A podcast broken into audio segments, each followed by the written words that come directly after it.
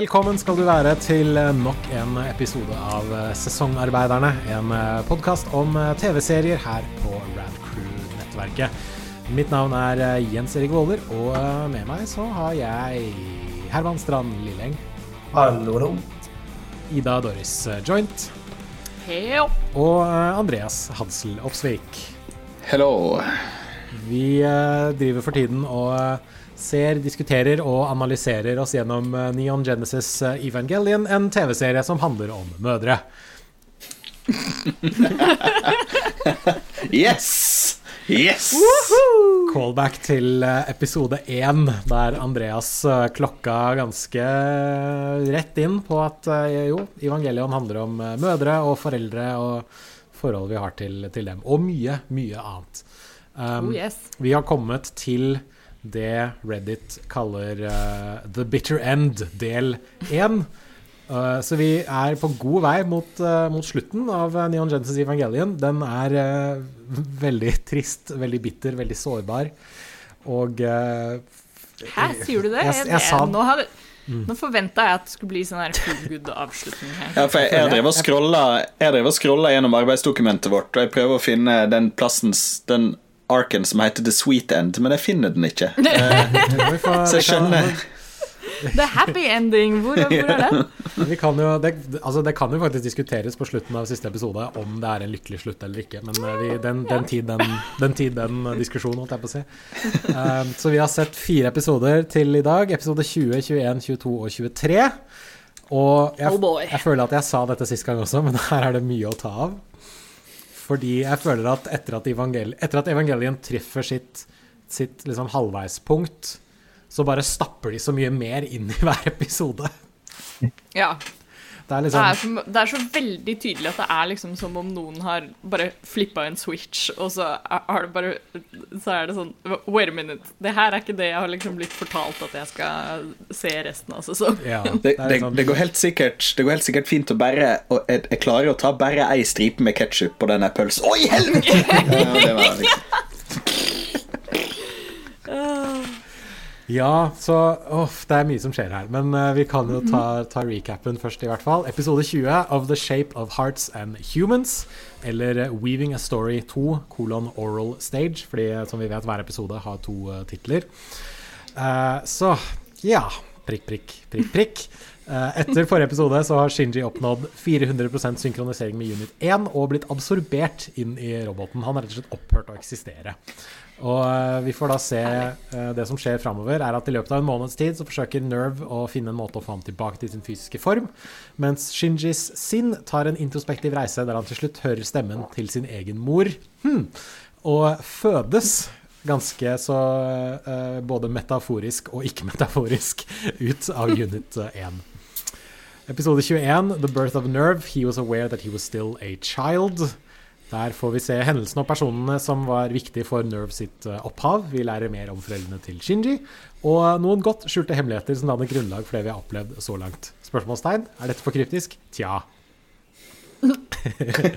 Episode 22, Staying Human, Don't Be. Uh, uff, dot, dot, dot, har jeg bare skrevet her. Nei. Eh, dette er en Asuka-sentrert episode hvor vi får vite mer om Asukas bakgrunn og barndom. Hun uh, er sterkt påvirket av Og hennes mor, ikke minst. Ja, Hmm, ikke interessant. Uh, Asuka er selvfølgelig sterkt påvirket over at hun har tapt, for, eh, tapt til Shinji i den forrige engelkampen, og begynner å miste hennes karakteristiske selvtillit som Eva-pilot. En eh, ny engel dukker opp, og i en ganske fantastisk eh, sekvens begår ganske hard psykisk terror mot eh, Asuka, som allerede er veldig, veldig traumatisert. Og det er jo ikke bare Shinji som har det vanskelig, får vi se her. Jeg skrev i en av notatene mine at liksom, nå er vi inne i det TV Tropes kaller en trauma conga line. Hvor Og liksom bare Jævelskapen kommer liksom på løpende bånd, da. Og det er ingen som har det bra lenger. Alle er deprimert.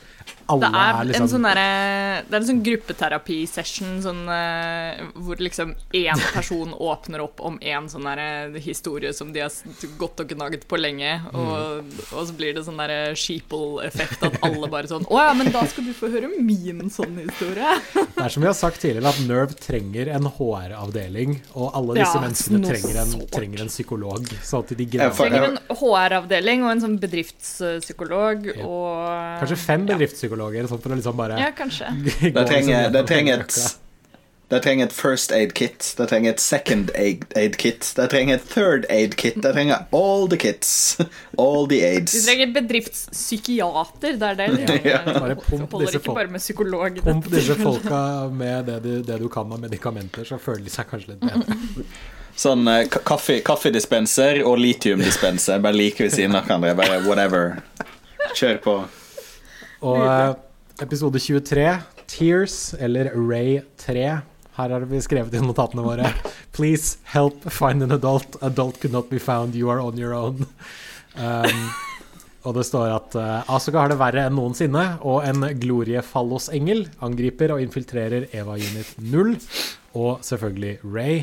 Shinji blir eh, sluppet fri i et forsøk på å redde henne, men Ray uh, ender selv opp med å redde Shinji ved å integrere engelen og så selvdestruere Unit 0. Uh, Ray viser seg å overleve, men uh, på slutten av episoden så får vi vite det at uh, via Ritsuko, Misato og Shinji at Ray er en rekke kloner som også driver disse dummy, dette dummy plug-systemet. Og eh, Ritsuko ikke bare ødelegger de resterende Ray-kroppene, men kan også avsløre at eh, hun og Gendo har hatt et eh, forhold eh, til hverandre i den siste tiden. Akkurat som, akkurat som Ritsukos mor, som hadde et forhold til Gendo en liten stund. Hmm, Freud alert. Freud alert. Ja. Det er kanskje den største Freud-alerten vi har hatt hittil. Som jeg sa til, eh, til kjæresten min da vi satt og så dette her sammen, at dette var antagelig den perioden da Hideaki Anno, som har skrevet og skapt serien, eh, leste veldig mye Freud og i et forsøk på å forstå sin egen ekstreme depresjon som han hadde på dette tidspunktet. Eh, fordi det er ganske Det er tydelig at det er mye som Det er tydelig at han har liksom gått gjennom noe på dette tidspunktet. Det er jo, jeg, jeg tror vi har toucha inne på det før, men vi kommer nok sikkert til å snakke mer om det når vi, når vi nærmer oss sånn slutten av serien også, fordi det blir litt mer relevant da. Men eh, det er veldig interessant å lese en del om, om produksjonen til, til Eva. Ja. Og særlig med tanke på Det er vel for øvrig ganske vanlig med, med anime generelt, at det, det er litt sånn på løpende bånd. Du har ikke nødvendigvis uh, laget eh, alle episodene i forveien, og, liksom, og så begynner du å gi det ut. Ja. Um, og det er jo kjempeinteressant å tenke på med tanke på litt det derre litt det brå skiftet vi nå er i, når Ja. serien bare tar en sånn helt annen vending. Fordi serien blir liksom Veien blir til mens man går, da. Um, og da hvis man også kjenner til litt av sånn, eh, den, den problematiske historien rundt, eh, rundt produksjonen, så ja, det gjør det bare veldig interessant å se på. Vi har, jo, vi har jo den fordelen at vi ser dette her i bolker, at vi ser flere episoder samtidig, og at vi ikke ser det uke for uke. Fordi jeg kan Jeg ser for meg at hvis man hadde gått inn blindt, på en måte Det er litt stygt å bruke det uttrykket nå, eh, innser jeg, men hvis man hadde gått inn uten å liksom vite hva serien handler om, så tror jeg det hadde vært veldig rart å sitte der nå og liksom se tilbake og tenke at dette er ikke den serien jeg trodde jeg skulle begynne å se for sånn 20 uker siden. Liksom det som begynner som en litt sånn annerledes robotanime, plutselig er bare borte helt, helt Absolutt. annet. Jeg skulle liksom Wow. i oppløpet High til school and skrive- mechas. I oppløpet til å skrive den eh, episode um, Submarine her nå, så søkte jeg opp liksom episodelista på IMDb, og så bare når jeg scrolla gjennom de første par episodene, så var det sånn Oi, vent, det er jo et helt annet univers, liksom. Ja. Jeg hadde glemt hvor liksom søtt og uskyldig det var. Og så. Det er, sånn, det, er en, det, er en, det er en veldig kort Jeg husker ikke hvilken av episodene dette her er, men vi får en liten scene fra skolen hvor, Mm. uh, hvor Hikari og Kensuke sitter sammen og liksom sier at ja, Asuka har ikke vært på skolen på en stund, og Shinji har vært mye borte, og Ray har jeg ikke sett på flere uker. Og så sier, så sier eh, Kensuke det at ja, nei, de har vel viktigere ting å holde på med for tiden. Og så ser vi dem aldri igjen. Det var sånn OK, nå er high school-greien ferdig. Vi bare, dette dytter vi til side, nå gjør vi ikke mer av dette. Ja, Tempoet er litt som et sånn skihopp, med at det går litt saktere i starten, og så har det gått mer og mer utfor, og så i forrige bolkeepisoder så kom vi akkurat til liksom, bunnen der, og nå uh, har vi rik, eh, Nå er vi i free fall. Ja. skutt ut og er midt i lufta. Så må Også- vi se om landingen holder eller ikke, da. Ja. Jeg skulle si det, Også, uh, På veien ned så har vi glemt at vi var i, liksom, i skiflygingsbakken på 250 meter ned. Så du står liksom bare og veiver med hendene og prøver på ditt beste og liksom ikke lande på den delen av kroppen som knekker. Eh, det, det, det er litt der det er nå. Vi har bare langrennsski Veldig på. god beskrivelse. Ja, den energien faller av. Den energien faller av midt i svevet, eller noe sånt. Og Bare, å, faen. Kan jeg ikke ta backflip? Wow. Vi, vi kommer nok tilbake til dette senere også, men bare for å plant the seed litt på, det, på hvor crazy disse episodene blir. Da. Så jeg, har jo sett episode, jeg har jo sett serien før, men med gjensyn med disse episodene så var det sånn Siste halvdel av Evangelion husker jeg bare sånn bits and pieces fra. Jeg husker liksom bare sånn key pieces of information. Eh, og, og så husker du at liksom sånn Åh, oh, buckle up, nå kommer disse episodene, liksom. Uh, men det tok meg skikkelig på senga hvor, uh, hvor intenst noen av disse episodene er. Og eh, som vi har gjentatt flere ganger, den derre ho boy-stemninga. den eh, kommer tilbake flere ganger, liksom. Selv om jeg trodde jeg visste hva som kom, liksom. Som jeg, jeg, skrev i, jeg skrev i en av notatene mine her Alt er en katastrofe, alt har gått til helvete. Og så to episoder skrev, senere så skrev jeg Opera-stemme You get a depression, and you get a depression, and you get a depression, and you get a depression. You all get depression! Woo! Eh, Men vi- vi- ja. Vi må jo begynne en eller annen plass her. Vi, vi, må Vi- vi må- begynne Ja, med nei, det. Før vi, før, vi, før vi begynner, så tror jeg kanskje jeg må bare gi en sånn uh, Jeg må gi en blanket content warning for Ja. Eh, For voldtekt, mental traume, uh, kanskje litt selvskading og litt sånn andre ting, fordi det Seksualisering av barn. Ja, og liksom penetrering, og det er liksom bare fratagelse av liksom, makt over fysisk kropp, og det er bare Ja, det er et, det er et helvete som skjer nå. OK, så det, er, det, er, my- det er mye som kommer til å diskuteres, så eh, litt som vi har, har tulla med før. Man må liksom være fysisk eller psykisk forberedt på Ja. å se Evangelion-episodene, men eh, det kan være minst like intenst å, å høre på oss diskutere Ja. det også, Og, og jeg, ikke minst hvis vi, hvis vi drar vitser om noen av disse tingene, så er det ikke fordi vi prøver å ta lett på det, det er kanskje fordi vi prøver å Hva skal jeg si eh, Bare prøver å bearbeide Ja, det på en måte som ikke går for hardt innover oss sjøl. Ja. ja. Huff, men OK, ja, så All right. ehm, hvor, hvor begynner man med alt dette her? Vi, eh, vi, vi, okay, Det vi får vite da, i hvert fall i denne bolken med episoder, er at uh, når Unit 1 spiste denne engelen og absorberte S2-motoren, så har den nå oppnådd eh, Hva skal jeg si Den har nå sin egen kraftkilde. Den trenger ikke disse kablene lenger. Eh, den har rett og slett oppnådd aut autonomitet, er det det man sier? Ja. ja. eh, Og- altså, uh, Counselet sier jo at det er blitt en gud. Yes, det var det jeg skulle, skulle komme til nå. At liksom den Ja. har like mye kraft som en manifestert gud på jorda. Så den blir satt på, den blir satt på bakken, rett og slett. De får ikke lov til å eh, deployere den lenger. Vi får vite hvor Nerve kom fra. Vi får vite at uh, Shinjis far tok navnet Ikari. Det var ikke han selv som hadde det. Uh, Ultimate wife guy. Yes. han er en ultimate wife guy. Skikkelig, skikkelig, skikkelig.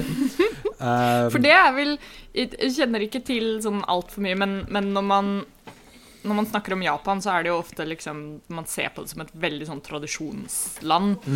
Eh, og jeg vil jo tro at det er høyst uvanlig at eh, man tar den kvinnelige parten sitt navn.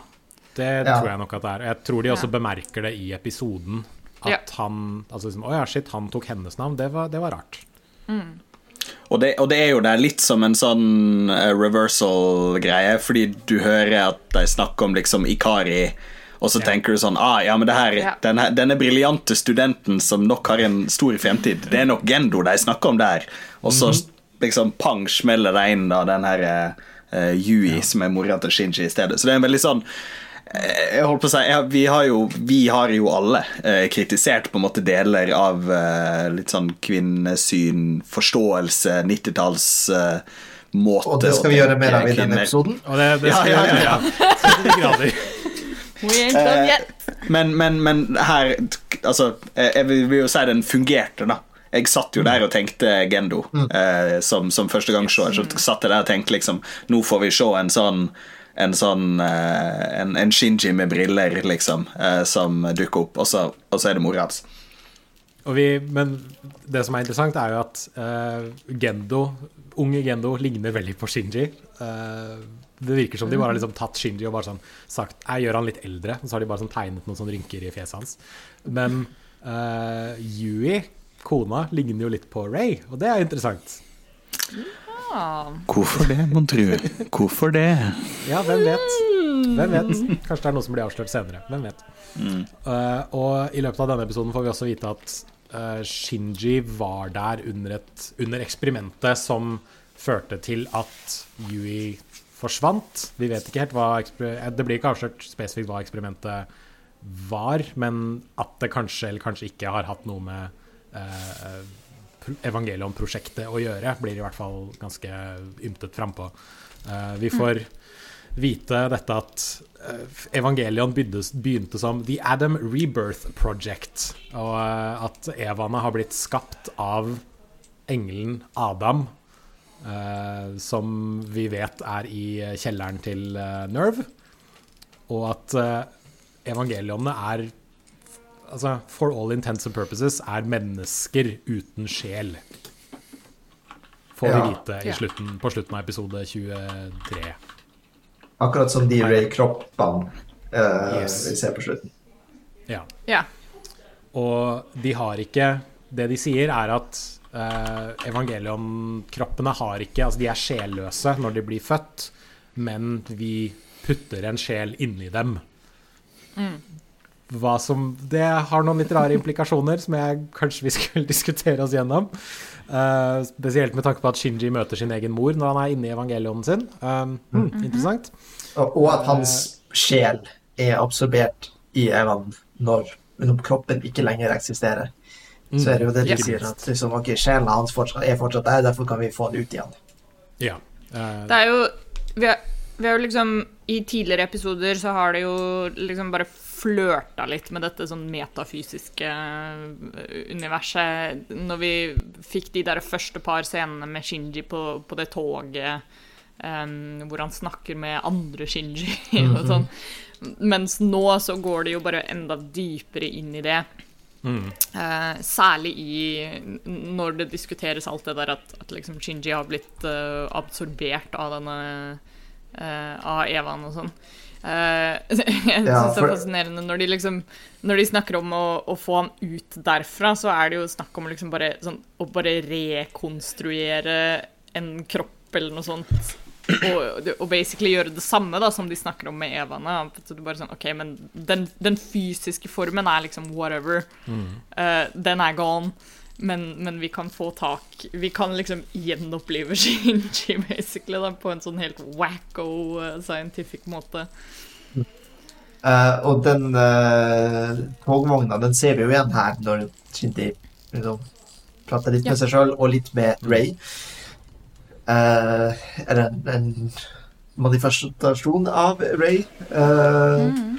Mens han sitter her og prøver å tenke på hva er eksistens, og er jeg lykkelig, og uh, uh, hvordan kan jeg få praise og dermed ha verdi? ja. Det nevnte vi for øvrig Jeg husker ikke om vi nevnte det i forrige bolk med episoder også, men uh, vi ser jo kjapt at Kaji, når han er eh, Eva-pilot, så dukker jo han også opp i dette spacet. Toji, Ikke Kaji. Toji. To, Toji. Ja, ja. Toji. Så kanskje det er en sånn kollektiv, kol, kanskje det er sånn kollektiv ubevissthet. Ja. Ja. Men Koll han- kollektiv, kollektiv ubevisst transport, da tydeligvis kollektivtransport i og med det. Men eh, Og han poengterer vel når han er der, så sier han noe sånt som liksom Altså, han istedenfor å ha den der første reaksjonen som eh, Jeg føler i hvert fall Shinji er veldig kvikk med å Han spør litt sånn først sånn OK, hvor er jeg? Hva skjer? Men så han liksom Har han bare godtatt det. Um, mens uh, mens uh, når, når eh, Tooji er der, så er han sånn derre Hvorfor er jeg her? Der er Shinji og Ray. Liksom, hva skjer? What's up? Hva, hva skal jeg gjøre her? Uh, og han havner ikke på det derre metafysiske trainet. Uh, pun intended. Eh, Train of Eh, thought. Det er sikkert et eller annet. ja, Ja. det, det ligger noe i det. Ja. Men ja, han er, han er bare mest sånn usikker på hva som har skjedd. Og dette kan vi absolutt komme tilbake til når vi lærer eh, mer som jeg vet kommer down the line i flere episoder. Men, Ja, eh, for vi ser jo også Ray dukke opp i denne togvogna i den siste episoden. Når hun begynner å bli infiltrert og, og begynner å bli eh, metafysisk og, og sjølreflekterende. Sånn som vi har sett henne en gang før når de gjorde den testen med å bytte eh, Eva. Det var også Ja. da hun begynte å liksom se mange av seg sjøl og, og denne linja. Og, uh, jeg tror ikke hun var på toget da, men det var liksom, hun begynte på den samme tankerekka med Mm. hva er med Kan det være et tegn på Altså Vi har jo sett det litt tidligere, men det kan kanskje være et tegn på at hun har oppnådd Og hun også oppnådd en større grad av autonomitet gjennom eh, hennes interaksjon med Shinji og Asuka og andre rundt Nerve. Fordi i begynnelsen av serien så er hun veldig lojal mot Gendo, men vi ser jo at jo lenger ut i serien man kommer, så begynner hun å gjøre Altså hun begynner å ta beslutninger av Altså under egen maskin. da Hun begynner å, å være litt mer um, Litt mer uavhengig. Og ender opp med liksom Ja, hun tar jo beslutninger som til syvende og sist gjør at hun dør, og så blir uh, gjenfødt. Men hun vet Det virker som hun vet inni seg at hun er en en sjel inni en falsk kropp som kan bare flyttes videre. Fordi hun sier jo det når hun prøver å sprenge seg selv den første gangen, at hvis jeg dør, så kan jeg bli, eh, jeg kan bli byttet ut, eller jeg kan, det finnes en replacement for meg. Ja. Og det, hvis jeg får lov til å trekke en tråd til veldig tidlig i serien, kan også forklare hvorfor hun tidlig i serien har et såpass distansert forhold til sin egen kropp og kroppslig auto, autonomitet. Fordi hvis hun vet inni seg, eller føler et eller annet inni seg at sånn Jeg er bare Jeg er liksom dette, dette vesenet, men mitt, mitt metafysiske vesen kan puttes inn i masse andre kropper. Hvorfor skal jeg da bry meg om det jeg har foran meg nå? Hvorfor skal jeg da føle en eller annen form for skam når jeg bare kan liksom flyttes videre til alle disse andre stedene? Ikke sant? Eh, og det ser vi jo også tidlig i serien, når hun ikke bryr seg om at eh, guttene har brytt seg inn hos henne, og hun ikke bryr seg om leiligheta, men akkurat Gendo sine briller, de er viktige. Ja. Fordi det er en Hun har en typ, altså På tvers av kroppene, på en måte, eller på tvers av de hun er, så har hun en tilknytning til disse tingene. Men du ser jo når hun kommer tilbake i episode 23, at hun, det ser ut som hun prøver å knuse dem eller gjøre et eller annet ved dem. Uh, som, kan, som jeg tolker litt som et tegn på at sånn, kanskje hun prøver å bryte litt ut fra Gendos kontroll. Han betyr ikke så mye for henne lenger, fordi nå har Shinji begynt å bety mer for henne enn det Gendo eventuelt gjør. Eh, Det er bare en, jeg som trekker tråder som kanskje eller kanskje ikke er der. Og det er tydelig at hun, hun bryter ut fra under liksom, blikket hans, eller, eller en eller annen variant. var det jeg òg eh, skrev i notatene mine på, på Ja. den eh, biten. Um, ellers så tenkte jeg på um, Fordi vi snakka i forrige episode, så ble det Det var vel Herman som nevnte at det blir oppfatta som at Ray dør i den Ja. her eh, eksplosjonen som var, var altså i forrige bolk med, med Ja. Runde. Men, men på en måte, var- hun dukker opp igjen, og det blir aldri snakka noe om. Ja. Um, og så gjør hun jo det da her igjen, i en eller annen i, i en variant. Jeg antar at hun ikke døde den forrige, i den forrige bolken med episoder. Hun klarte Ikke å komme seg ut av det. Fordi denne gangen så dukker hun opp på sykehuset i samme bandasjer som hun hadde i første episode. Det er interessant. Eh, og så sier hun at eh, I am probably the third one, fordi hun husker ikke at hun ofret seg for Shinji. Og liksom begikk denne selv, selvutslett, altså liksom, utslettet Unit 0 og engelen hun slåss mot. uh, og sier da liksom ja, jeg er den tredje. Og nå er jo, nå er jo hun den eneste Ray, fordi det fins ikke flere dummy-kropper hun kan lastes ned til, holdt jeg på å si. og det, kom, det fører meg til mitt andre punkt, og det er at Evangelion har uh, og Kingdom Hearts har samme uh, tese oh, ved seg, på en måte. Fordi i Kingdom Hearts så kan man også flytte folks liksom, hjerter og personligheter fra liksom, kropp til kropp. Akkurat som kan i, i Stopp han! Stopp han fort! Stopp han, så får vi aldri høre slutten på det. Dette, altså, men det, det, er bra du, det er bra du nevner det, fordi Kingdom Hearts er nok definitivt noe vi kan komme tilbake til i, i neste bolk med episoder også. Altså, det er jo, Kingdom Hearts er det jo mye snakk om liksom om, om det de kaller for hearts da, og souls Ja. og, liksom, og hele pakka. Og, og det kan trekkes mange paralleller til, til evangeliet der også. Uh, vi må snakke om dukker. Vi må snakke om dukker. Jeg, skulle, jeg, skulle, jeg skulle til å si det. La, vi kan Altså, OK. Så Ray gjør at vi kan snakke om, om dukker, og da kan vi snakke om Asuka fordi episode 22 Er det vel? Episode Ja. 22 er en uh, Asuka-sentrert uh, episode, fordi som vi har bemerket før, hun har, uh, hennes sync rate har begynt å falle mer og mer. Og fordi hun måtte bli reddet av Shinji i forrige bolk med episoder, så er hun nå veldig veldig lei seg fordi hun er ikke den beste lenger. Og det vi får vite, er at Asukas mor ble eh, Mentalt ustabil. Mentalt ustabil. Psykisk syk. Ja. Ja. La oss si det på den måten. Eh, Etter et eksperiment utført i forbindelse med uh, noe, vi vet ikke helt hva det er ennå, men det er et eksperiment utført med et eller annet. Og hun gjenkjente ikke Asuka som sin egen datter lenger. Hun trodde en uh, sånn filledukke hun hadde, var datteren hennes. Ja. Og- og, og, vi får vel vite at hun var med i Gehen. Ja, som som etter er hvert blir til Nerve. Ja. Ja, så det kan tenkes at kanskje hun Kanskje det var noe, noe Eva-eksperiment der også. ja. Andreas, skal bety Gehirn? Ja, bare for å skyte inn med tyskkompetansen her, som jeg heller ikke har studiepoeng i. Eh, Gehirn betyr hjerne, Det er det, ja. og sele betyr jo sjel. Yes. Og nerve uh, vil jo uh, være en logisk over, overtalt til nerve i en eller annen variant.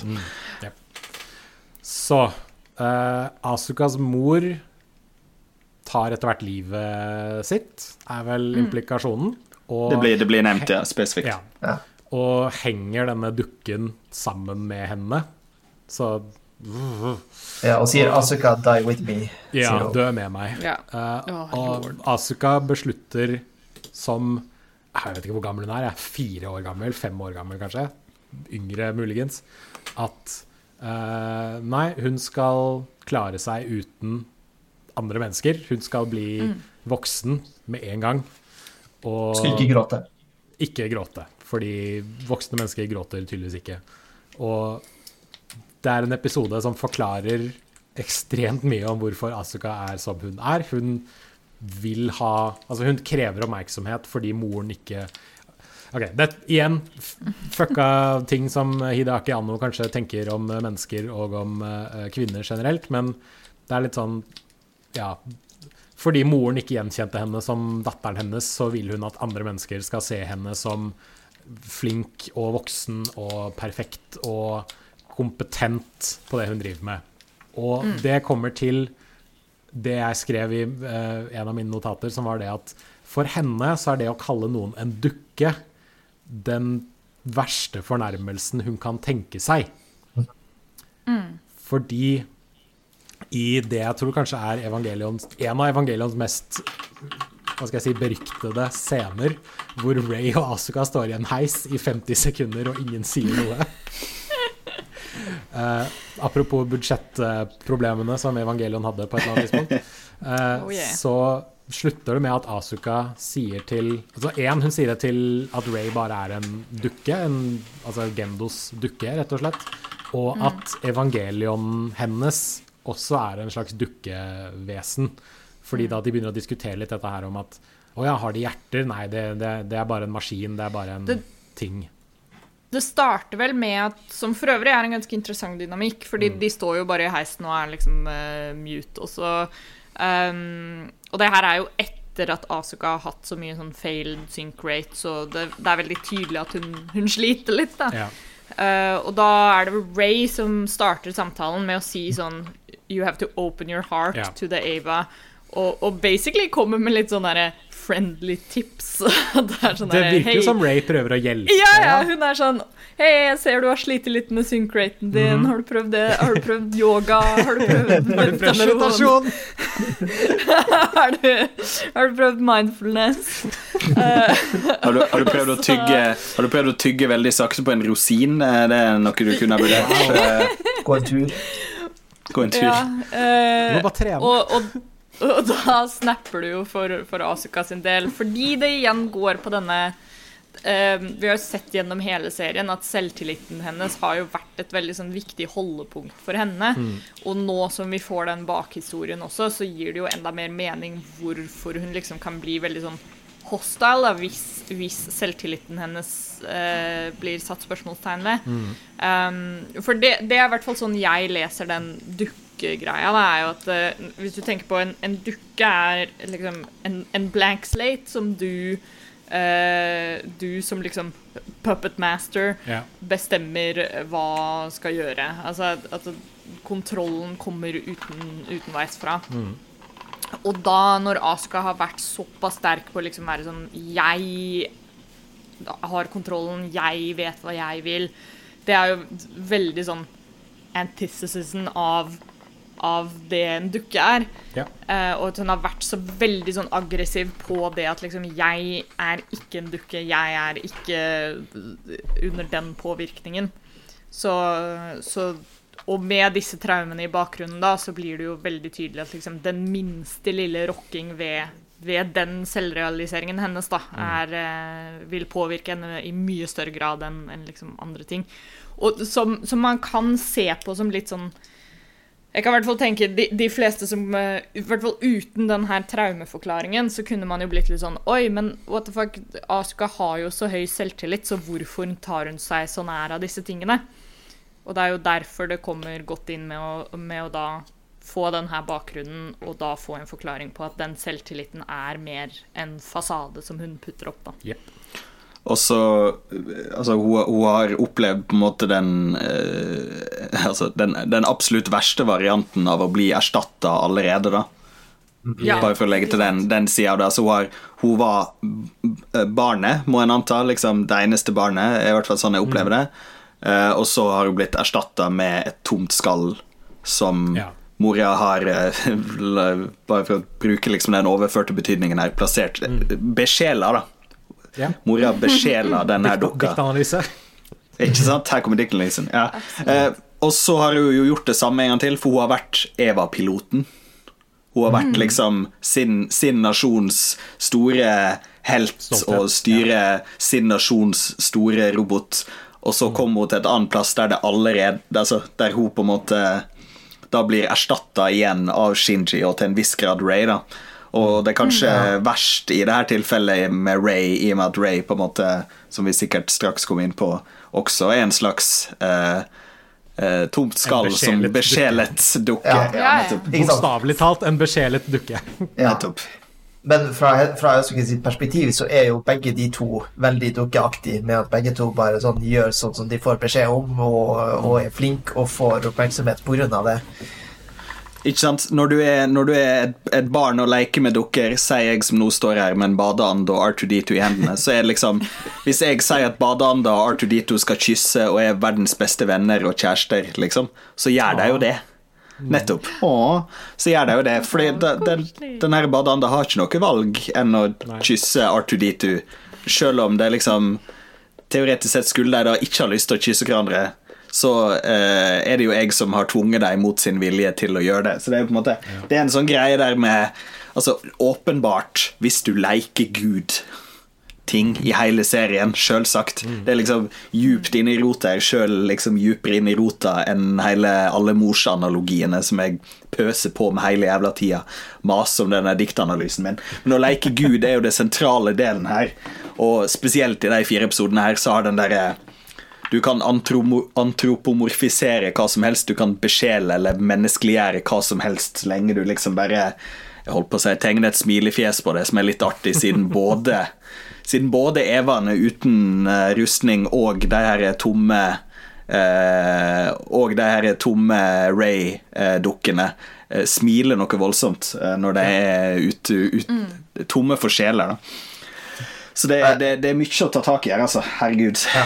Og Du trenger jo ikke å analysere så dypt engang, for det er jo i teksten. Eh, Det er jo et sitat eh, som jeg tror er som legen til mora til Asuka, som sier sier If there is a god, humans are but dolls to him. Ikke sant? Ja. Ja. Og eh, vi burde ikke Vi burde ikke kødde med Guds kraft, men det gjør vi likevel, fordi Hvorfor ikke, liksom? Har man Ja. til det? Dukk. Det, ja, det er et annet sitat. Det er vel 'dukker er noe mennesker lager i sitt eget bilde'. Men det er vel fra diskusjonen Jo, det er vel fra samme diskusjon, kanskje. Det tror jeg nok er, ja. Ja. Uh, og, men ap ja, apropos dette her også med erstatninger. Uh, Asukas far erstatter Ja. jo kona si med en ny kvinne, fordi vi får vite at Asuka har en stemor. Og det impliseres veldig at det kanskje er legen som behandlet Asukas biologiske mor. Og det har noen rare implikasjoner som jeg vet ikke helt om jeg har lyst til å gå inn på akkurat nå.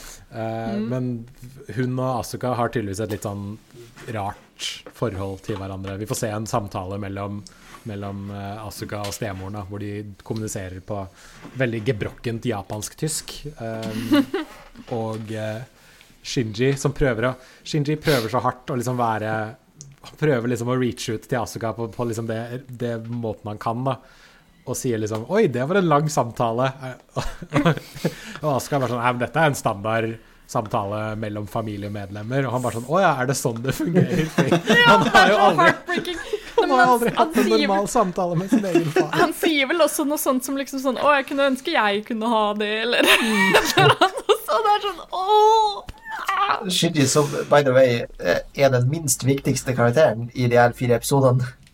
Ja, Ja. Han, han blir litt sånn bortsett fra, bortsett fra at han var der da morens eksperiment gikk til helvete, så blir han skjøvet veldig i bakgrunnen.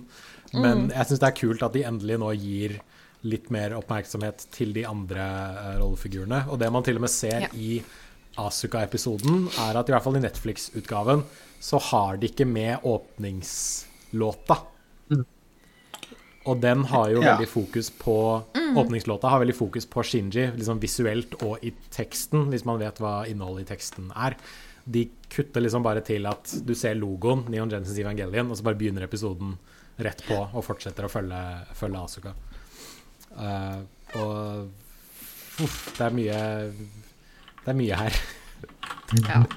Mye. Uh, I, I den Asuka-episoden så får vi også da på samme måte som i åpninga, sånn eh, flash av tekstplakater eh, på tysk. Eh. I all hovedsak. Eh, når hun blir, får det her sånn psykologiske angrepet av engelen, mens Handel spiller på full blast gjennom si det hele episoden. Og det er så bra. Det er så nydelig. Altså, det, er, det som skjer med Asuka, er jo forferdelig. For hun sier jo på et tidspunkt at Hun sier jo eh, 'slutt å voldta meg', sier hun. Eller liksom, hun sier at engelen voldtar hjernen hennes, eller voldtar sinnet hennes. Det er helt jævlig. Men bare den Du har den der lysstrålen som kommer ned fra himmelen fordi engelen flyr liksom opp i atmosfæren, og plutselig så bare Halleluja. Det er Åh, jeg synes det er helt nydelig. Det er helt fantastisk hvordan de bare iverksetter den der, da. Og så får du bare sånn Ja, Hendel er der i hele, hele jævla sekvensen og bare kjører på kjører på kjører på. Og det var jo sånn, Jeg satt og så den episoden, så var eh, kona i, et, i naborommet. Eh, og så bare Det tar liksom litt tid, og så stikker hun hodet ut. Og så bare liksom fra rundt eh, dørkanten så bare ser jeg sånn Er det der Hendel? så bare Ja, ja, ja, jeg sitter her. Men, men eh, bare for å eh, jeg, vil holde bitte litt ved Hendel og halleluja. Uh. For det er jo, er jo på en måte en uh, Altså den her eh, engelens glans solstråle-biten der er jo òg et sånt et visuelt element som i stor grad Uh, i liksom fiksjon tidligere og i ikon ikonografi og sånn blir brukt som uh, der strålen treffer, er enten liksom den veldig viktige tingen, eller uh, engelens stråle blir, blir brukt for å, å tvinge vekk ondskapen. Sant? Slå ned djevlene.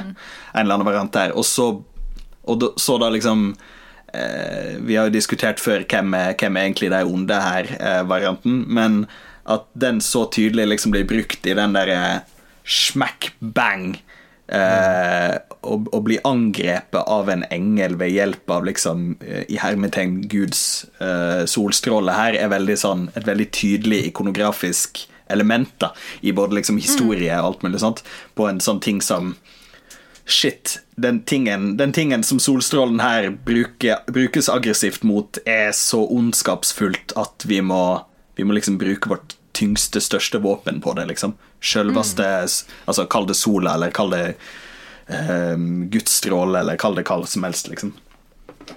Det er jo også Det adresseres jo kjapt i episoden også at de, de klarer ikke å På tross av all teknologien og sånt som de har, så klarer de ikke å få noe reading på liksom hva er den stråla, da. Eller de klarer ikke å få De får De ser kun liksom den, de psykologiske grafene til Asuka, som er off the chart. Så det er bare Altså, bare den derre ene screenen hvor det er den derre krusedullen i, i liksom sånne The Psychic Waves Sånn eller noe sånt. Det er sånn herre Å ja, OK, det ser ikke bra ut.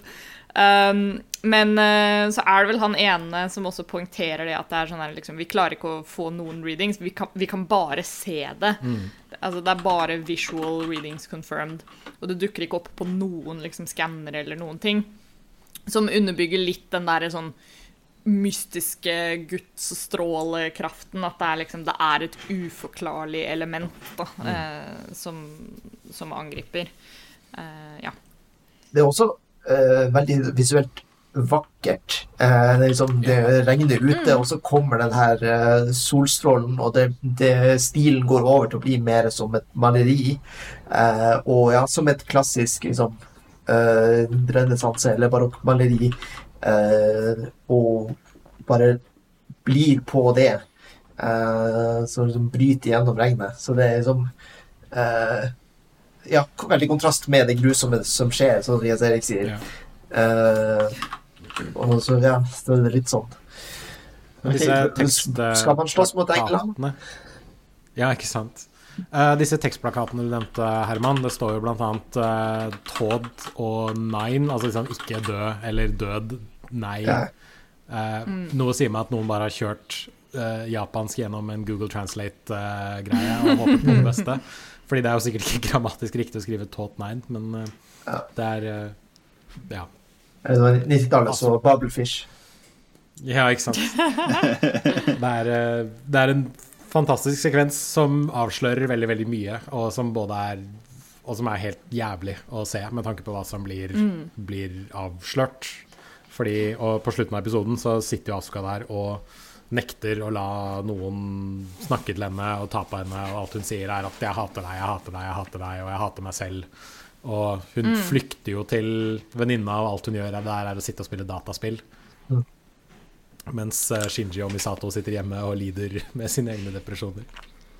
Hun spiller dataspill, som er en ting der personen som styrer, har full kontroll, eh, vil jeg bare legge til der, da.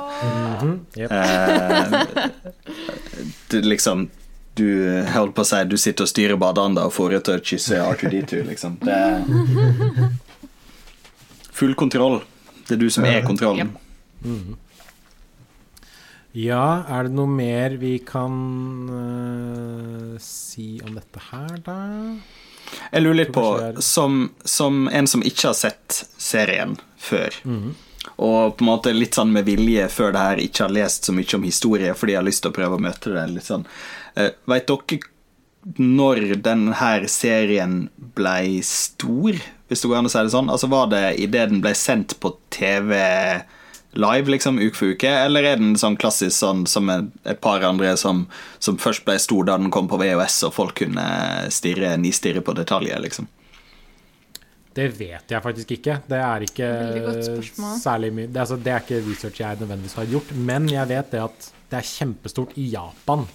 Ja. Og Der er det sånn ekstremt tror- ekstremt populært. og jeg tror det har vært stort i Japan siden begynnelsen, egentlig. Ja, jeg jeg er ganske sikker på at det, det, på, når det gikk på TV, så fikk den en, en stor følge Ja. eh, etter hvert som det gikk eh, og ble noe av det beste etter. Og jeg, altså i inntrykket jeg har fått av det i Vesten, så er liksom Evangelion en av de, liksom, en av de anime-seriene du på en måte må se i din hva skal jeg si, reise for å bli en otaku, eller en weeb, hvis Ja. du vil si, avhengig av hvilket ord du bruker. Det er liksom Hvis, ja.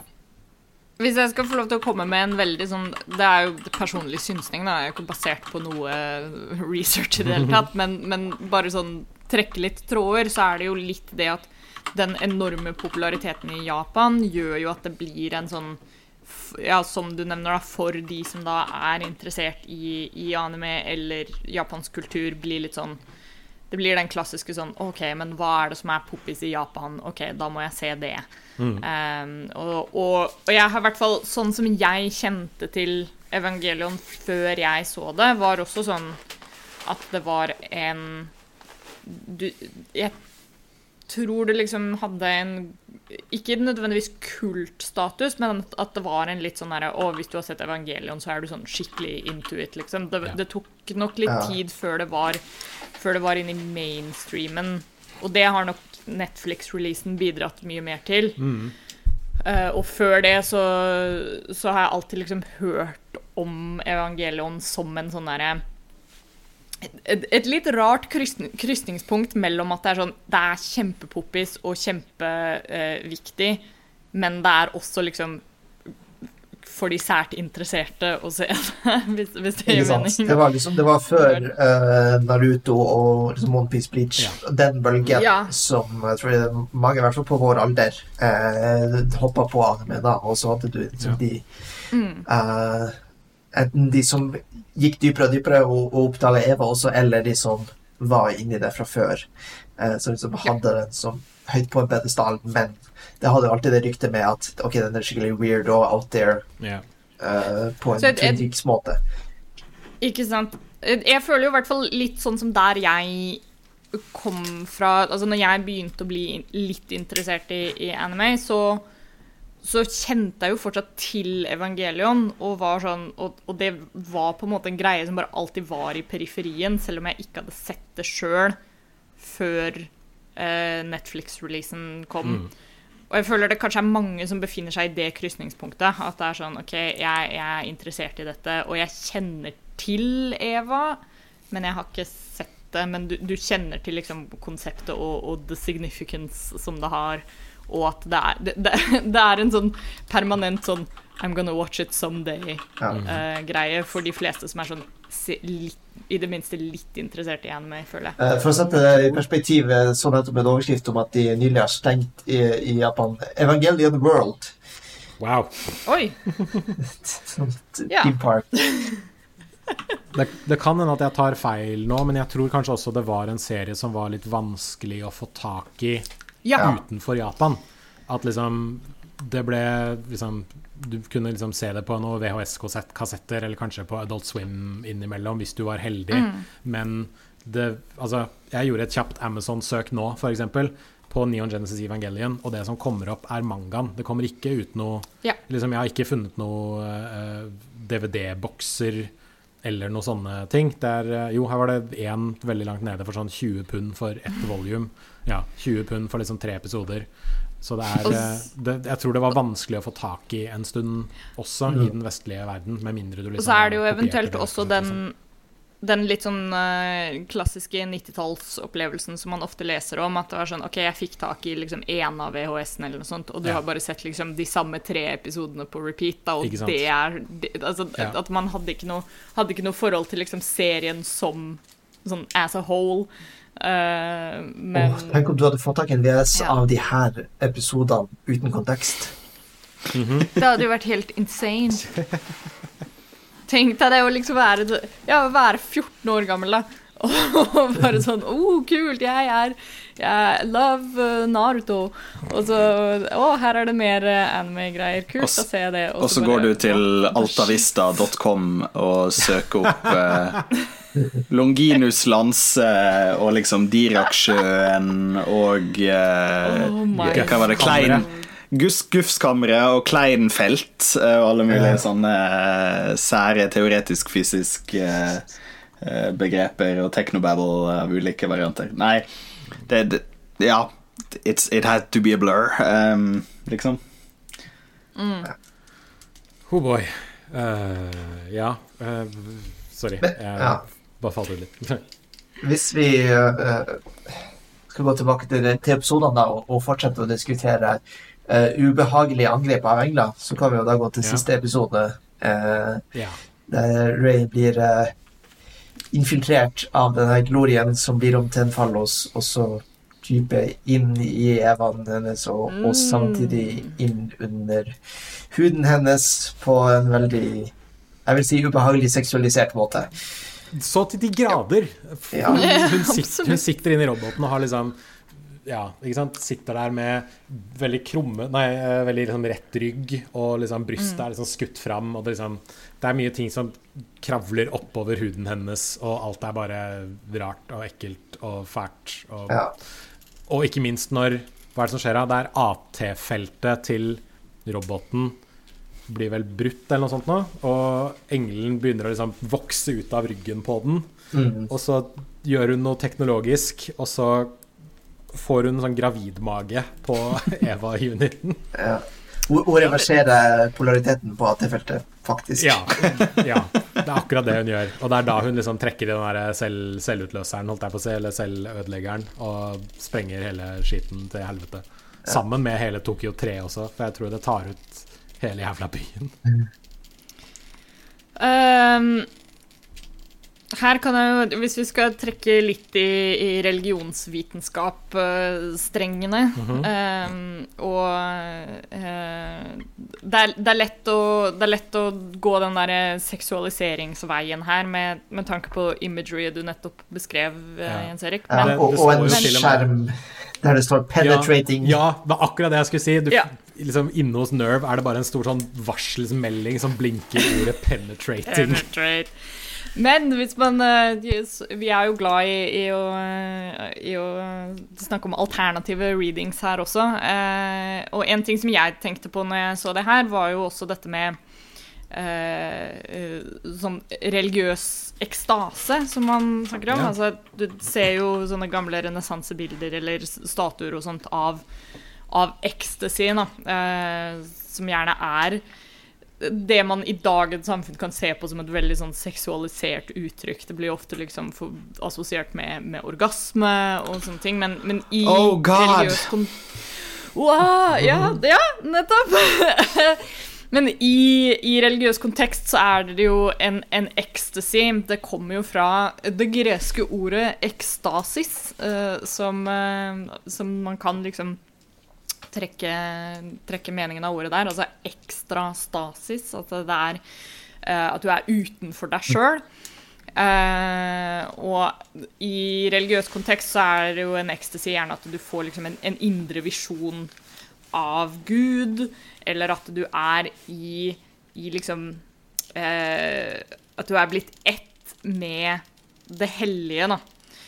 Og det syns jeg i hvert fall var en interessant ting å tenke på i konteksten her. At det er jo engelen Det blir jo sånn religiøs symbolikk every fucking where, eh, som da danner en slags union eh, med, med Ray her, eller at de Mm. blir liksom i ett.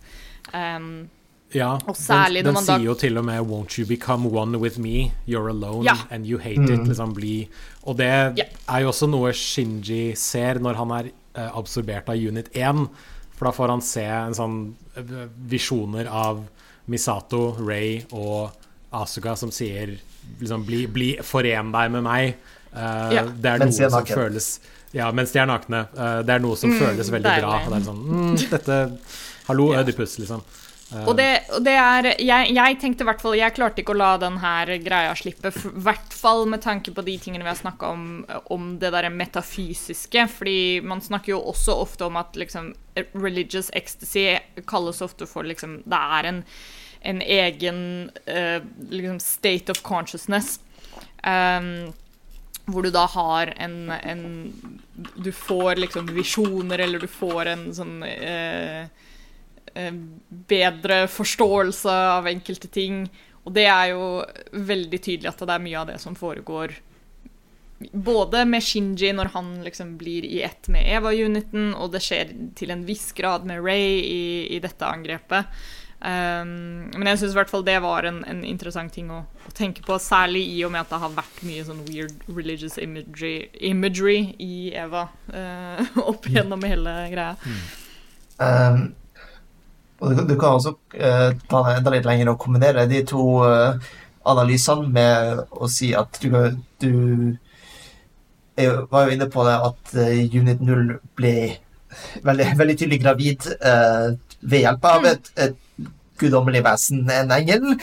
Uh, og så har en slags uh, Ja uh, Skape noe mer, da. For det, det, som skjer, er jo at Unit 0 transformeres til en sånn lysende hvit versjon av Ray med en glorie over seg. Glorie. Ja. Og så eksplodere. Mm. Og hvor, det... hvor, hvor, er det vi har lest en eller annen bok der noen har blitt gravide Akkurat. uten liksom menneskelig opphav, og så har det blitt født et eller annet ut. Hvor er det Kan det være liksom bare sjølve grunn... Det er liksom sjølve grunnlaget Ja, sjølve grunnlaget ah, du mener Star Wars episode 1? Nettopp. Der var det. Der var det. Det var sånn det var. Mm. Er den, vet du. Jeg satt faktisk og var liksom veldig febrilsk tenkte faen, hva, hva, kan jeg si annet enn Bibelen? Star, Anakin Skywalker var det første jeg kom på. Yes. Som, som, også en, i tillegg til f.eks. Altså, Terminator eller whatever, en full av, fullt av Jesus-analogier eh, rundt omkring i oh, yes. spesielt vestlig litteratur og, og vestlig kanon, men, men også selvsagt uh, ut, utover uh, våre vestlige landegrenser. Ja. Det er jo også ref dette med å liksom bare smelte sammen teoriene om, om liksom religiøs ekstase og, og, freudiansk penetrering, holdt jeg på å si. Det er jo også noe som, som ble gjort eh, mye i religiøs kunst også. Altså, Kroneksempelet er liksom Bernini var veldig glad i dette. Altså, alle, alle Bernini sine framstillinger av religiøs ekstase er inneholder veldig mye liksom fallos- uh, og penetreringssymbolikk også. Uh, og dette er et tema som jeg kan diskutere lenge, for jeg syns det er veldig fascinerende. Men, uh, men, men det her syns jeg også er en av de tingene som vi har nevnt tidligere, at det er veldig gøy å diskutere disse teoriene og samtidig stoppe opp og spørre seg sjøl Gir vi Hideaki Anno litt for mye credit nå? Eller er det liksom Det kan være litt det også, fordi ja. visstnok mange av de liksom, religiøse referansene i Evangelion er liksom bare noe han syntes var kult å slange i. Ja, ja, ja. Hvorfor ikke? For eksempel for... disse korseksplosjonene som vi ser englene ja. noen ganger lager, var bare en sånn ting han var sånn Nei, jeg syns det, det, det, var kult, liksom. De er engler. Hvorfor, ikke lage, si det, men... hvorfor ikke lage krusifiks? Eksplosjoner. Jeg vet yeah. uh, Andreas gjorde noe sånn metal-band-logo. Det er en veldig hard replikk. Uh, jeg, var, jeg, var vel, jeg, var, vel, litt inne på det siste, men vi i moderne litteraturteori så er det jo ikke helt uvanlig å gi faen i hva, uh, hva ja. forfatteren er. Ja, 'Death of the Author', 'Authors intent', det er bare tull. Mm. Det, så det er ikke helt uvanlig å, å drite litt i hva forfatteren egentlig mente med det. for mm Uh, moro er selvsagt diktanalyse, som er 'What mm. makes the world go around'.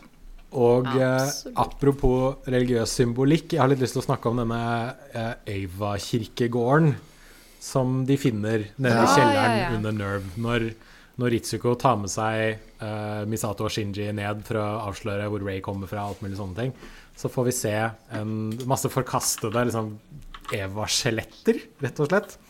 Og mm. måten måten denne er lagt opp, fordi de ligger i masse hull i gulvet. og uh, dette er uh, representert visuelt på samme måte som sefirotene i Kabbalah. Altså masse liksom, linjer som trekkes mellom masse hull da, inn i hverandre. Og det er samme symbol som vi A får se i åpningen, og som Gendo har i taket sitt. B. Ja. og apropos religiøs symbolikk, i flashback-episoden om Nerve, etter at Det er vel etter at Yui har forsvunnet, så sitter Gendo ved en pult, og bak seg har han Ja. en skygge som ser ut som et svært Ja. krusifiks.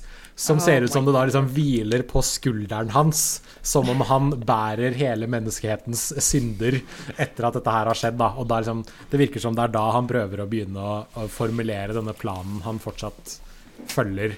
Fordi nå, i, i løpet av disse episodene, får vi vite det at Seal og Gendo sine planer har jo da bare gått i vidt forskjellige retninger. Seal er kjempeforbanna for hva Gendo har gjort, og Gendo bare sier nei, fuck it. Nå liksom, Min plan er det jeg følger. Vi bare, vi må gå. Kjør, kjør, kjør. kjør, kjør, kjør.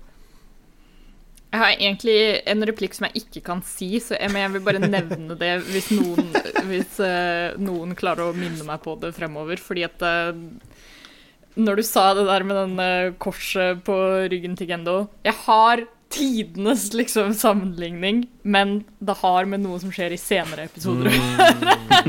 så vi må bare put a pin in that. in that. Og så skal vi se om jeg husker det, og om det er like mind-blowing som det er i, i hodet mitt akkurat nå. All right, all right, all right. Jeg skriver det ned her sjøl òg. Ok, Andreas, du hadde en eh, finger i været.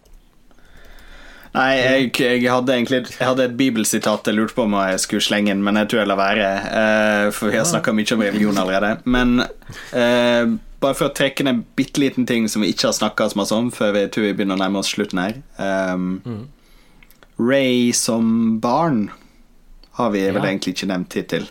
Men hun Nei, bruker jo også vi har pratet om uh, Ritsuko og det, hele den greia. Nettopp. Eh, Så det er jo Hva er det han sier? Nei, det er bare et barnet passer på, sier vel Gendo, eh, når vi først Ja. får se liksom eh, Ray som, som unge her. Og Ray blir drept, ikke sant? Av Ja. mora Ja. til uh, Ritsuko. Ja, av doktor Akagi. Ray 1 blir drept. Nettopp. Det er den første Ray. Og Og så 2 den Ray 2 er det vi har fulgt gjennom hele serien, og Ray 3 har jo da dukket opp på slutten her, da. Um, Ikke sant. Og uh, um, Og det, og det er jo noen av de engelske uh, titlene liksom, i uh, tittelkortene. Er jo Ray 1, Ray 2 og Ray 3. Hvorav Ray 3 var egentlig den som heter Tears nå siste episode. Yes, Sant. det stemmer.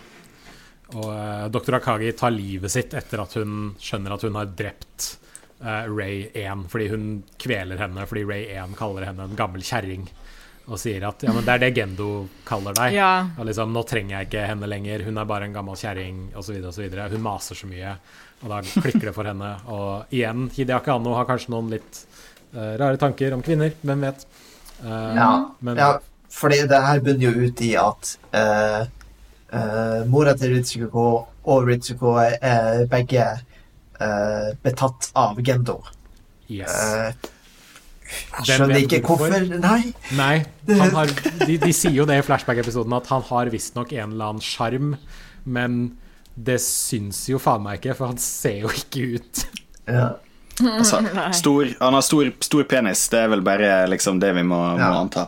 Det er det mest, mest sannsynlige. Nei da, jeg gjorde det. Eh, Men eh, For i- mora igjen- til Ritsuko eh, er sjalu på Yui. Uh, så når hun dør, så tenker hun ok, det er min sjanse, og liksom go for it. Men han blir avslørt at uh, gjennom uh, lille Ray at Nei, jeg har ikke bruk for henne lenger. Eh, så blir hun bare forbanna, og så får vi vite etter hvert i Det blir vel i siste episode at Ritsuko har, har en eller annen grunn havna i akkurat samme felle, og også falt på Mhm. Gendo, og alt hun gjør, er også for han. Uh, og derfor flusher hun ut de her Ray-dukken, fordi hun også er sjalu på Ray, som Ja. er Er det, er det tydelig på det punktet hva Ray er? Det er vel det. Jeg, Jeg spør kan Andreas. Et, ja, hva, hva tenker du, Andreas? Hva, hva tenker du at Ray er? Eh, jeg jeg forsto det bare ut ifra episoden nå som at Ray er klone av Yui i en eller annen variant. Eh, Ikke. Hvorvidt det ble sagt eksplisitt eh, eh, jeg, jeg er også litt usikker på, men, men jeg skjønte Ja, det- ut ifra de er- det sånn Ja, de er ganske tydelige på det i den ene scenen med liksom, Fyosuki og Gendo og sier at Ja. eh, liksom, eh, Ja. Du setter håpet i henne, savner henne. Ja. Derfor har vi gjort noe sånn her. Og så sier vel òg eh, mora til Ritsuko at eh, det er et eller annet kjent med henne. Liksom. Altså at hun, gjenkjenner Ja. en eller annen variant der, og det blir sagt like etter at Yui har forsvunnet. Eh, så jeg, jeg, jeg tolker det rett og slett som det. Som jo er enda et sånt kryss i boka i Andreas eh, eh, liksom kryss i margen. Tolker riktig. Yeah. Ja. Og, og unge Altså Ray generelt ligner på Yui, Ja. og ehm, vi får jo også høre en samtale mellom Gendo og Yui om at hvis barnet vårt er en gutt, så skal han hete Shinji, og hvis barnet stemmer. vårt er en jente, skal hun hete Ray. Og ja. eh, Ray er da en, en kloning av moren, og kanskje eller kanskje ikke Altså, om hun er sin egen sjel eller morens sjel, det er vel ikke helt eh, klart, men jeg, jeg tolker det i hvert fall sånn at etter hvert nå så er hun Hun har liksom blitt sin egen person mm. etter hvert, da. Og dette har noen fucka implikasjoner om uh, Gendo, men uh, det får nå være. Ja. Hun har blitt besjela ved at noen har brukt henne som ei dukke lenge nok.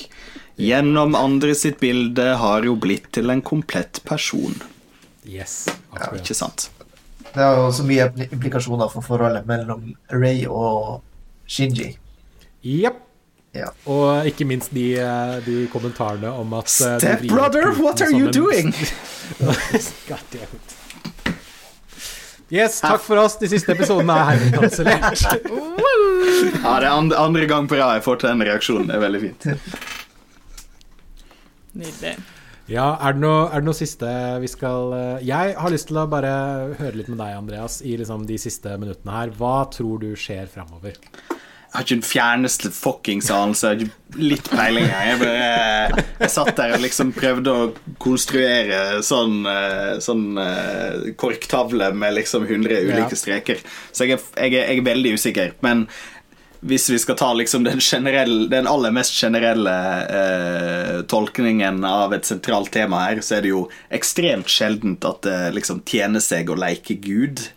Eh, spørsmålet er hvorvidt hvilken ende av, eh, av liksom the good or the bad end vi, vi havner på her. Så jeg, jeg har faktisk ikke peiling. Ja, Det er riktig svar. Ja. Ja, det er så bra. Det er, det er akkurat det som skjer, er, er Vi har ikke peiling. Ja.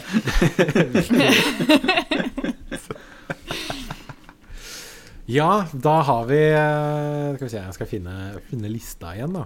Vi har uh, tre episoder igjen uh, av Neon Genesis Evangelion. Og så har vi End of Evangelion-filmen.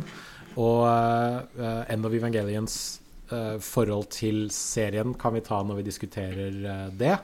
Men mm. Så vi har rett og slett to opptak igjen, to episoder igjen av Sesongarbeiderne. Kanskje tre hvis vi tar en sånn recap-episode helt på slutten. Men det, kan vi, det tror jeg vi skal diskutere litt nærmere. Ja, Herman. Eh, det er også en ting til jeg har lyst til å prate om før vi runder av. Okay. Eh, Sure. Og det er jo The Council, eh, Ja. som nå ikke lenger dukker opp som de her ulike gamle mennene, men uh, som uh, 2001 Romodyssé Obeliska. Akkurat det skal jeg si. Det er, de er monolittene fra 2001. Ja. Uh, og det er jo sikkert bare Det er jo godt tegn, det. Ja, nå, nå fremstår de som, som Seal-Seal og liksom The Human Instrumentality Council, som er de som styrer The Human Instrumentality Project. Hva det er rent eksplisitt, har ikke blitt sagt. Nei. Um, og du var litt inne på det at det, deres planer går lenger og lenger bort, og, og Gendo gjør litt sånn som han vil, og Mm. uh, jeg vil ikke snakke om Kaji som blir knerta. Ja. tydeligvis av Council fordi han eh, Ja. uh, ikke lenger var eh, nyttig og gjør også litt sine egne ting. Ja. Han kom for nært sola. Ja. Ja, og han har jo sendt eh, masse informasjon til Misato Ja. eh, som en sånn siste sånn OK, dette er den siste tjenesten jeg gjør for deg. Eh, mm. uh, hvis jeg Ja, hvis jeg dør, så har jeg i det minste gjort denne gode tingen. Og hvis du ser meg igjen, så skal jeg si ordene jeg ikke kunne si for mange år siden. Og så blir han jo dessverre Ja. skutt. Og så er han ute av soga. Mm. Det er, ja, en veldig uh, intim scene med de to også. Uh. Ekstremt. eh, hvor de, du ser liksom nakne armer og bein, og så snakker de litt sammen. Han legger en pille på nattbordet hennes, og så begynner du å høre lyder av ja, puling. Jeg skrev, jeg skrev i notatene mine Jeg skrev 'puling over stilleben'. Um, Ja. I at du liksom har det der eh, bildet som viser whiskyglasset og, og piller og litt sånn forskjellig. Ja, det, er, Så liksom, det, det er veldig sånn erotisk lada på en måte som er ja, veldig 90-talls med sånn uh, softcore adult Ja, channel-greie. altså, med sånn, sånn, dust, sånn dust filter over, ja. Det ser ut som noen har Ja. eh, liksom, tatt vaselin og tatt over linsa. Det er for øvrig Jeg nevnte jo i forrige episode det der med sånn det kulturelle biblioteket og hvordan vi liksom leser Kaji som en fuckboy, og andre har uttalt at liksom Kaji er favorittkarakteren min og sånn. Det, da nevnte jeg at jeg hadde sett en video hvor, på YouTube hvor noen hadde snakket om det. Og den videoen handla spesifikt om denne scenen. Mm. Uh, uh, hvor de snakket om sånn derre This is the best sex scene in anime. Og bare dekonstruere liksom forholdet til, til Misato og, og Kaji, og hvor liksom sånn derre intimt og, og nydelig og beautiful det her er. Og jeg ble sånn Har vi sett samme serien, eller hva er det? hva er det denne videoen dreier seg om? Det, det er mye å lese ut av den, det er det absolutt. Det kan jeg for være enig i. Det er det, Ja. Selvfølgelig, men, eh, men jeg tror vi hadde to litt forskjellige takeaways, jeg og, og, hun som hadde laget det videoet. Ja. Ja. Ja. Misato sier jo til og med på et tidspunkt at jeg gjør dette delvis for å pumpe deg for informasjon, men det har jo Pumpe, skjedd mye ikke lov. Du har ikke lov til å si pumpe. Jeg prøvde meg. Jeg, prøvde meg. jeg lurte på om noen kom til det. Eh, Men det virker som de også gjør det litt fordi det har skjedd så mye Det har skjedd så mye jævlig i det siste, og jeg tror Kaji på et tidspunkt sier at eh, det å det å benytte deg av liksom kjødelig forlystelse betyr at du bare fortsatt er menneskelig, eller noe sånt noe. Det er en litt parafrasering, da, men eh, ja, det at hun søker komfort hos ham, er bare normalt, eller noe Ja, sånt. det er også rett etter å endelig få vite at Shinji er trygg etter en måned. Ja. Liksom. Ikke sant? Ja. Det er eh, Det ligger mye der mellom, eh, mellom linjene, og jeg vet ikke om kanskje vi er vi er jo her litt til å diskutere det, men jeg vet ikke om vi kan pakke alt helt fra hverandre. Ja. Eh, er noe mer vi må si om Kaji? Jeg Tror ikke det. Nei. Han uh, Rip fuckboy. ja. Ja. Eh, men eh, vi får også vite litt mer om hva Counselor holder på med utenfor Nerve. Uh, Ja. fordi som Misato og sånn får vite mer og mer om at ok, nå eh, ekspanderer de og bygger enda mer uh, Eva De Units. masseproduserer Eva Units. Ja, vi får vite at liksom, åtte er klare, så vi, de trenger fire til. Mm. Til hva da? Mm. Åtte er klare, og de trenger, er trenger fire til. Og hva er det tallet vi får da? Det er Tolv. Tolv? Ja, og hva er det tolv av i en gruppering i Bibelen? Uh, Å ja, disipler.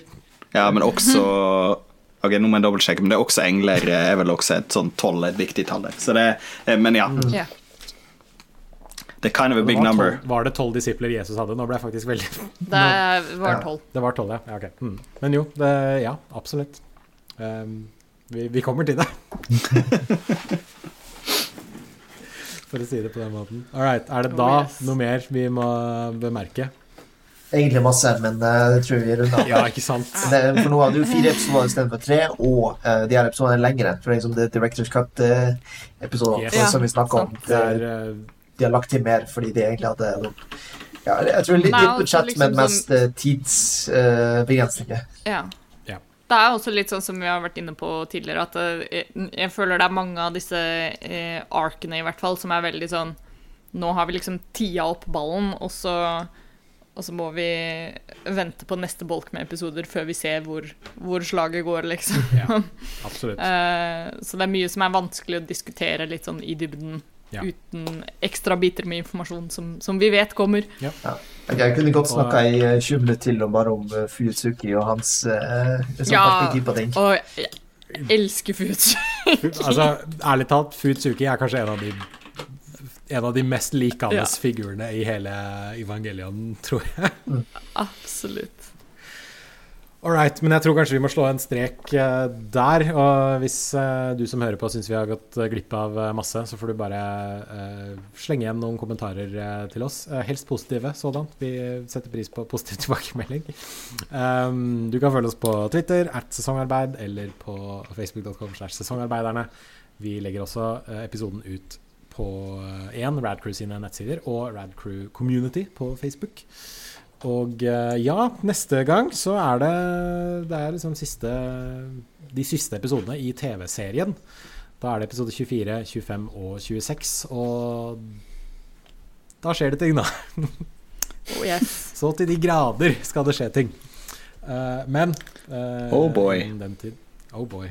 Uff. Uh, Eh, Det komme en liten caveat der at eh, jeg tror det som er mest anerkjent som den anbefalte måten å se serien på, er vel å se til episode 24, og så se filmen enda ved Evangelion, og så episode 25 og 26 etter det. ja. Men eh, vi kjører, vi kjører rett på, eh, sånn, jeg- sånn som det var sendt. Jeg kan, jeg, kan si meg, jeg kan si meg enig i den tolkningen. Jeg vil Jeg vet ikke. Jeg, jeg tror jeg vil at Andreas skal oppleve det sånn som jeg opplevde det. Og det Ja. var liksom TV-serien først, og så End of Evangelion. Fordi det var jo også sånn du opplevde det da du så det på TV. Eh, men det må vi ta om en uh, uke. Jeg jeg heter Jens Erik Våler. Jeg har hatt med meg eh, Ida Doris Joint, Herman Strand Lilleng og Andreas Hadsel Opsvik. Og til eh, neste gang så eh, Ta vare på dere selv. Ja. Ikke, ja. Klem Og hverandre. Klem, klem noen du er glad i, så fremt det er trygt i disse covid-tider. Nå, har vi- nå har vi datert uh, podkasten til at den ble spilt inn eh, i eh, 2001. Nei, 2021. Skal jeg si. 2001. 2021. Eh, By the way, altså, det, det nevner de jo i eh, den flashback-episoden. Det er liksom okay, det det, det, eh, litt ny, og så 2001 var et jævlig år. Ja, bare hopp over det, og så videre. Så det er litt sånn 2020. Ja, virkelig. Og uh, slutten av uh, Jeg tror slutten av serien foregår i 2016. Mm. Så hm, interessant. Eh, ja, hvor var jeg? Avslutning. Der var jeg. Eh, men jo, ta vare på dere selv. Klem noen du er glad i. Og hvis du trenger hjelp, be om det. Jeg tror kanskje det må være rådet fra oss i, på slutten Oh, yes. av disse episodene. Right, vi høres neste gang. Ha det bra. Bye.